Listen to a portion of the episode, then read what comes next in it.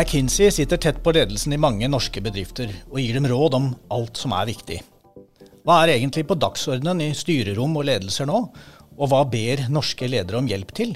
Er f.eks. bærekraft og digitalisering noe av det de trenger bistand til? Fridtjof Normann Lund er seniorpartner og leder for McKinsey i Norge. Han møter Innovasjon Norges administrerende direktør Håkon Haugli og meg, Kjetil Svorkmo Bergman, til en samtale. Velkommen til Innopoden, Fridtjof Lund. Takk skal du ha. Du har vært i McKinsey i mer enn 17 år. Du har bred utdanning som jurist, eh, organisasjonspsykologi eller organisasjon og ledelse og en MBA. Og du er altså McKinseys øverste leder i Norge. Jeg innbiller meg at McKinsey er et sånt selskap som veldig mange kjenner til, men ganske få vet hva dere egentlig driver på med. Hvordan beskriver du selskapet? Det er et godt spørsmål som jeg forsøker å forklare to fem og syv år gamle gutter. De skjønner i hvert fall ikke så veldig mye av, av hva jeg gjør. Eh, jeg, jeg tror essensen um, av det vi gjør, er vel egentlig problemløsning. Er på en måte kjernen. Uh, vi setter sammen team med uh, folk med veldig forskjellige bakgrunner, som jobber på problemstillinger som er helt sentrale for uh, toppledelsen eller styret eller eierne i ulike virksomheter. Um, og gjerne da de mest krevende problemstillingene de har. Uh, det kan være ganske bredt. Uh, det kan være Altså, vi kommer jo fra en Vi er jo nesten 100 år gamle. Uh, vi kommer kanskje fra en kjerne hvor veldig mye var rundt strategi. og det er på en måte røttene til McKinsey. Og så er det klart at de siste 10-20 årene så har jo det endret seg veldig mye. Nå jobber vi mye med bærekraft, som vi sikkert skal snakke en del om. Nesten halvparten av det vi gjør i Norge nå er knyttet til bærekraft på et eller annet vis.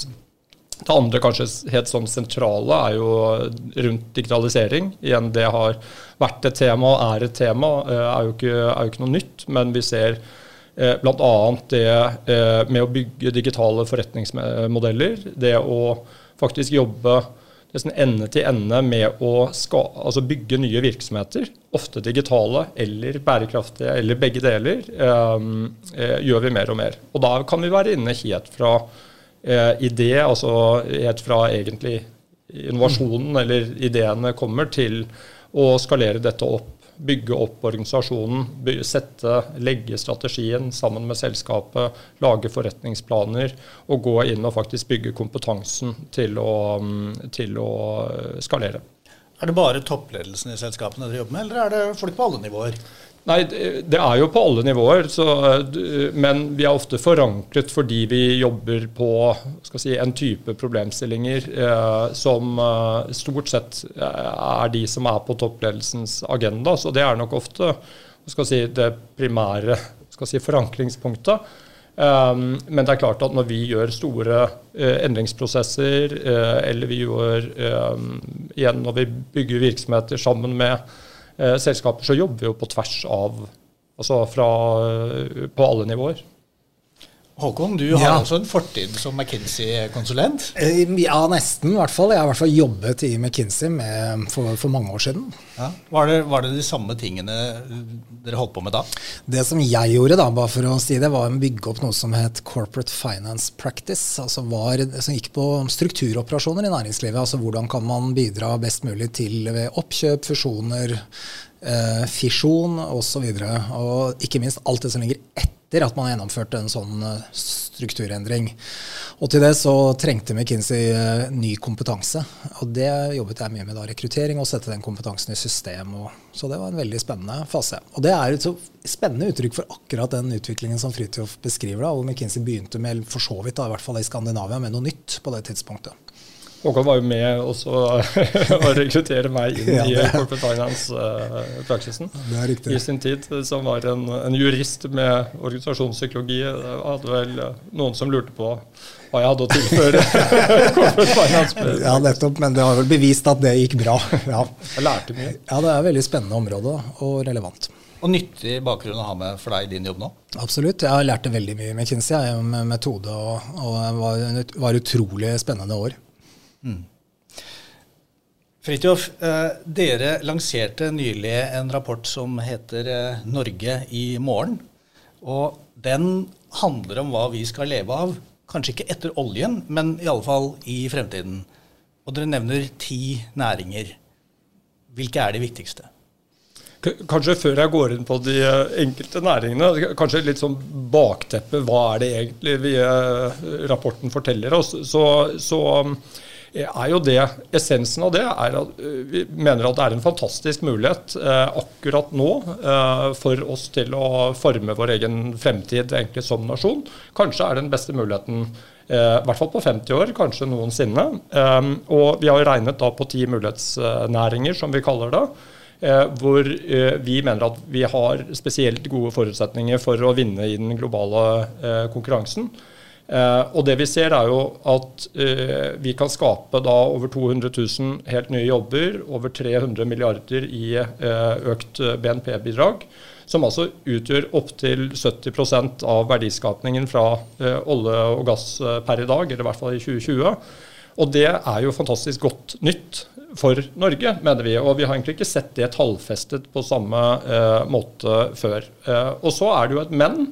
Uh, og det, er, uh, det, krever at vi uh, på måte tar en del beslutninger raskere, og at vi setter oss enda mer konkrete og høyere ambisjonsnivåer. Men du, Det er veldig uvanlig at dere gjør sånn som dette, er det ikke det? Er det første gang?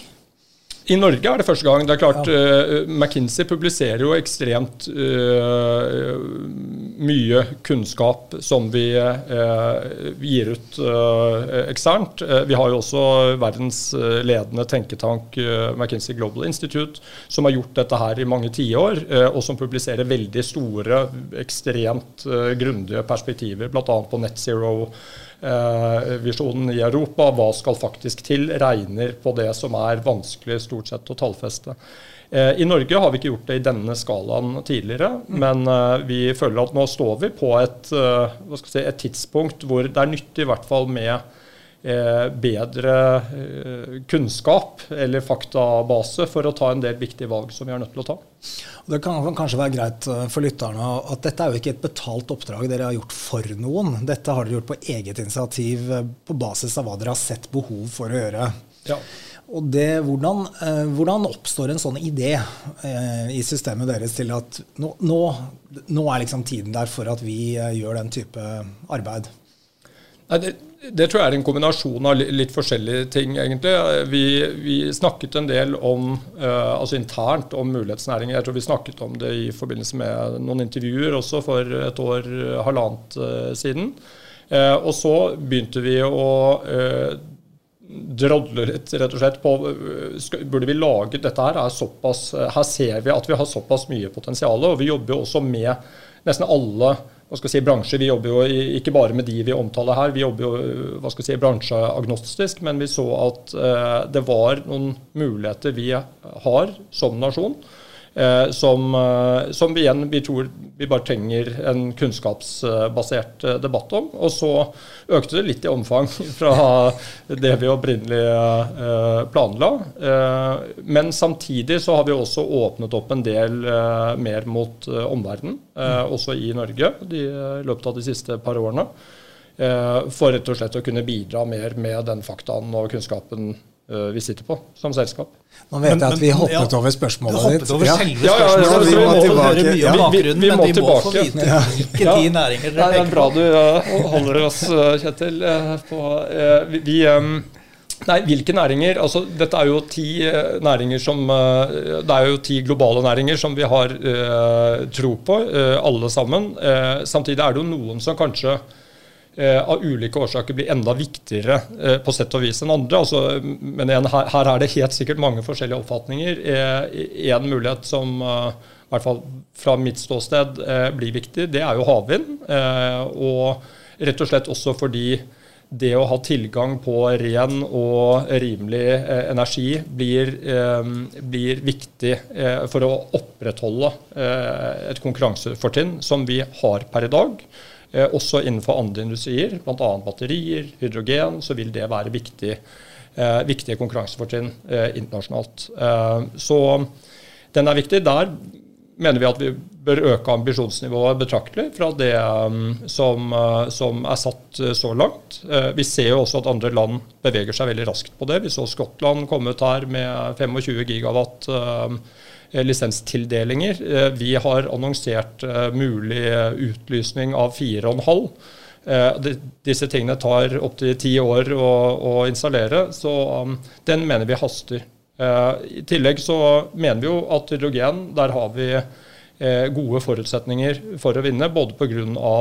Si, industriens behov i Norge. Vi har eksisterende lang erfaring med si, gassproduksjon, vi kjenner kundebasen, vi har en del av infrastrukturen. Eh, og igjen, vi har en fordel med tilgang på rimelig eh, og grønn eh, energi. Så her mener vi at vi har en del fordeler. Og dette kan bli en stor industri som skapes mens vi snakker nå.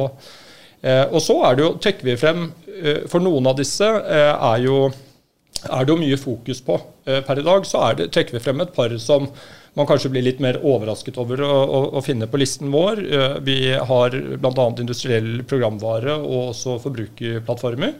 Som vi ikke eh, ofte tenker på at vi har eh, særlige fortrinn. Og Noe av grunnen til at vi trekker frem disse, er bl.a. at vi ser at vi har et veldig høyt momentum akkurat nå, de siste få årene. Vi har jo Historisk så er vi jo grundig slått av svenskene i utgangspunktet på, eh, innenfor disse, særlig kanskje forbrukerplattformer. og Vi har Klarna og vi har eh, Spotify og vi har andre eksempler. Men nå har vi fått en del veldig spennende selskaper som er i skaleringsfase. Vi har fått våre første unicorns også innenfor industriell programvare med Cognite og, og andre. Eh, og vi ser at vi har noen fordeler som land eh, som vi faktisk kan bygge på her. Veldig artig. På slutten så skriver du om norske superkrefter. Kan du ikke si litt om eh, både begrepet og, og hva de superkreftene er? Nei, eh, Noen av de er jo eh, Vi trekker frem bl.a. tillit. Og at vi har høy grad av tillit til hverandre i Norge. Og det er jo en, en, si, en fordel for både når det gjelder eh, industriell programvare da, eller forbrukerplattformen, det at man faktisk har tillit mellom, eh, mellom partene. vi har også i og for seg en høy grad av digitalisering allerede i samfunnet. Som vi er blant de mest digitaliserte samfunnene i, i Europa. som også er en, en fordel. Og så minner dere oss på, det er synes jeg er spennende, at norsk arbeidsliv har vært i veldig store endringer uh, tidligere. Og det er lett å glemme når vi nå, og det er jo mange som snakker om at vi nå kanskje står i det største næringsmessige skiftet da, på veldig lang tid. Men vi skal jo ikke så veldig mange år tilbake før vi sto i tilsvarende veldig store skift. Altså For 70 år siden var det jo ingen som spådde verken olje og gass eller uh, oppdrett som store eksportnæringer. Nå står vi foran en korsvei. Jeg syns det er kjempespennende rapport, jeg må bare si det. Vi Innovasjon Norge er jo liksom, vi kan jo sjekke liksom på alle områdene vi er involvert i, alle sammen. Og så er det jo viktig dette med, som jeg liksom føler ligger veldig i det i lanseringen her, og som dere sier, at dette er jo ikke en uttømmende liste. Det vil jo også være andre områder som vil ha betydning. Eh, men at vi må legge trøkket der hvor mulighetene for å lykkes er størst. Um, og dette rører jo ved liksom, det vi ofte omtaler som nøytral næringspolitikk. Jeg vet ikke om du vil tenke, altså, Er det noe som dere tenkte over, at dere her nå stikker nakken fram og peker noen steder? ja, Vi har jo diskutert uh, det uh, internt. Uh, samtidig så tror jeg det er viktig akkurat det du nevner. at Dette er jo ikke en uttømmende liste. Dette er ti globale konkurranseutsatte industrier, men der vi mener at vi har særlig gode muligheter til å lykkes. Eh, det er ikke ment å være en uttømmende liste over det eneste vi skal holde på med i Norge i fremtiden. Så, så sånn sett så er jeg kanskje mindre engstelig for den. Det vi prøver å peke på, det er at hva kan faktisk være et realistisk ambisjonsnivå innenfor disse ti mulighetsnæringene, og hva helt konkret er det som må skje for at vi skal lykkes. Hva er det vi har å bygge på, og hvilke beslutninger må faktisk fattes nå for at vi skal lykkes med det. Så um, jeg, fra rapportens ståsted så er jeg ikke så engstelig sånn sett for den kritikken. Så Jeg vil bare anbefale alle som hører på, å faktisk lese rapporten. Det, det som jeg synes skiller den fra Det er jo mange som konstaterer at vi har et godt utgangspunkt i Norge. Men som i hvert fall etter min vurdering skiller denne da, fra mye annet jeg har lest, er at dere er så eh, kvantitative, eller det er regnet så godt da, på eh, faktisk potensial. Så det er ikke bare en konstatering av at vi har et godt utgangspunkt, og så begynner å slutte det liksom med det. Det syns jeg en del av debattene tidligere har vært. Altså, vi vet at vi har et godt utgangspunkt for innen la oss si hydrogen da, eller grønn skipsfart. Men det er jo noe med hvor, hvor, stort er dette, og hvorfor skal vi gjøre investeringer, og hvorfor skal bedriftene satse på de områdene kontra andre områder. Da trenger man den type kvantifiserbare eh, vurderinger da, som ligger i rapporten. Men Håkon, eh, Innovasjon Norge som en eh, solid støttespiller for næringslivet. Hvorfor kan ikke vi velge næringer og satse på dem på samme måte som det McKinsey peker på som muligheter her? Du var så vidt inne på dette med nøytral næringspolitikk. Fortell litt mer om det. Altså Bunnplanken i det handler jo om at enhver bedrift som, eh, som oppfyller kriteriene, skal kunne trekke veksler på samme type tilbud. Og Det er et veldig viktig utgangspunkt. og Der må vi være nøytrale. Vi er ute av stand til å, å vurdere på enkeltbedriftsnivå om en bedrift i en bestemt bransje eller med bestemt teknologi er bedre egnet i det lange løpet enn en annen, forutsatt at de har en solid forretningsmodell, et bra team osv. Så der må vi være nøytrale. Men det er jo også sånn at vi må rette ressursene våre der hvor markedene er størst. og Det betyr vi gjør jo valg i f.eks. når det gjelder vårt eksportarbeid. Så rigger vi oss spesielt nå for å håndtere muligheter innenfor havvind, fordi hele Europa investerer i havvind. Og da ville vi forsømt oss hvis ikke vi da rigget oss sånn at vi kunne ta norsk leverandørindustri ut til de mulighetene i de relevante markedene. Og jeg opplever ikke at det er noen konflikt mellom disse to. Jeg tror bare vi må erkjenne dette, denne bunnplanken om at Eh, vi aldri skal være der at vi utelukker noen fordi de er på feil næringsområde. Da, da gjør ikke vi jobben vår. Mm. Uh, Fridtjof, i, i forordet til rapporten så skriver du jeg er heldig som gjennom jobben får møte ledere og medarbeidere i norske bedrifter hver dag. Og hver dag blir jeg imponert over handlekraften, kreativiteten og viljen til å investere i gode ideer. Gi oss noen eksempler på det du ser. Altså, jeg jeg synes jo det er veldig Jeg har veldig mange eksempler, føler jeg. For jeg opplever vel egentlig at de siste årene så er det møter vi dette på veldig mange nivåer. Jeg opplever det når vi snakker med noen av våre største si, selskaper og ledelsen i, i de. Når, hvis du ser på hva som skjer av nyskapning, av det å bygge nye virksomheter ut av noen av våre aller største selskaper innenfor digital den digitale sfæren eller grønne, mer bærekraftige virksomheter, det er jo bare å se på tvers av våre aller største selskaper. Ser du hva Equinor gjør, eller DNB med VIPS, eller Hydro med resirkulering, eller Yara, så ser du listen er lang over ledere som faktisk setter eh, både høye ambisjoner og som tør å, å satse eh, med nye løsninger. Og så kan du si hele oppstartsscenen uh, i, uh, i, Norge, uh, hvor det er et veldig høyt momentum, og hvor det skjer masse. og vi ser jo faktisk Vi har en høyere og Det syns jeg er litt fint å, få med seg. Da, vi har en høyere etableringstakt relativt til Sverige akkurat nå på nye mm. teknologivirksomheter. Vi ligger langt bak, skal det sies, men, men vi har faktisk et høyere momentum akkurat nå. Eh, og så ser man det faktisk på, eh, fra si, investorsiden. Hvis du ser på norske private equity-fond nå, du har Summa, du har Verdane, du har en del andre, og selvfølgelig mange av de nordiske. Men du har også norske miljøer som nå er blitt eh, gode eh, på å investere i oppstart og skalering og vekstselskaper, som er eh, igjen eh, representerer da en ganske sånn ambisiøs og kreativt tankesett. da. Hvor opptatt er norske bedriftsledere av bærekraft? Veldig er det korte svaret. Uh, igjen, uh, halvparten av det vi gjør nå uh, i Norge er nok relatert til bærekraft på et eller annet vis. det er ikke en eneste strategi som legges eller en plan som ikke inneholder vesentlige aspekter av bærekraft. Vi ser jo akkurat det samme i våre ordninger, da, som i all hovedsak er altså, ikke rigget for å utløse grønn omstilling. Men andelen som eh, går til det grønne, har økt fra rundt 30% til rundt 60% i løpet av få år. Og det er et uttrykk for at når eh, bedrifter av store og små søker eh, risikoavlastning hos oss, så er, det, så er innovasjon det er grønn innovasjon. Fascinerende raskt går det også.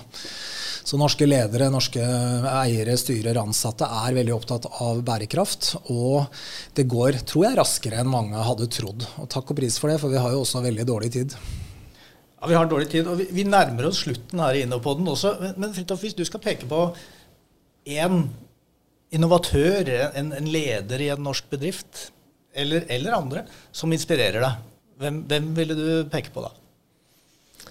Det syns jeg alltid er et veldig vanskelig spørsmål. Um, uh, for, jeg, Apropos å velge én, altså, utelukker man mange andre. Jeg, um, uh, jeg vil nesten heller si uh, kollektivt på tvers av de største eh, norske selskapene. Så, men, men, altså hvis jeg skulle valgt én, altså, da må du vel tilbake Da kan du gå langt tilbake i tid. Da så kan du se på Sam Eide, som eh, la grunnlaget for, eh, for, ganske mange av de virksomhetene som faktisk også er veldig aktive innenfor de mulighetsindustriene vi ser per i dag.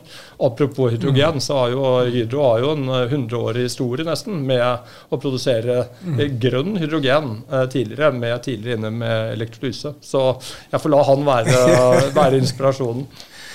Ja, det er ikke noe dårlig. Nei, det er veldig bra. Han er jo en gründer. gründer. Ja. Eh, det finnes også en Eide-klynge eh, som en del av klyngeprogrammet, som jobber nettopp med mm, prosessindustri og bygger på den tradisjonen. Så virkelig satt spor etter seg. Og så et litt sånn ekstra tabloid spørsmål til slutt. da. Hvis du hadde blitt eh, stående i heisen sammen med statsministeren, hva ville vært tema for samtalen? Da ville temaet akkurat nå vært Norge i morgen. Eh, og hvilke beslutninger er det han tenker å, å fatte eh, de neste månedene eh, for at vi får enda høyere fart innenfor en del av disse mulighetene. Og så hadde du hatt en rapport i veska som du kunne Da hadde han fått den i samme sleng. Veldig bra. vi har den her også. Vi har litt å lese. Vi rakk ikke innom alle de ti næringene, så vi får se litt nøyere på den. Og det får bare lytterne gjøre også. Takk skal du ha, Fridtjof Lund, leder for McKinsey i Norge. Takk skal du ha, Håkon Haugli. Mitt navn er Kjetil Svorkmo Bergman.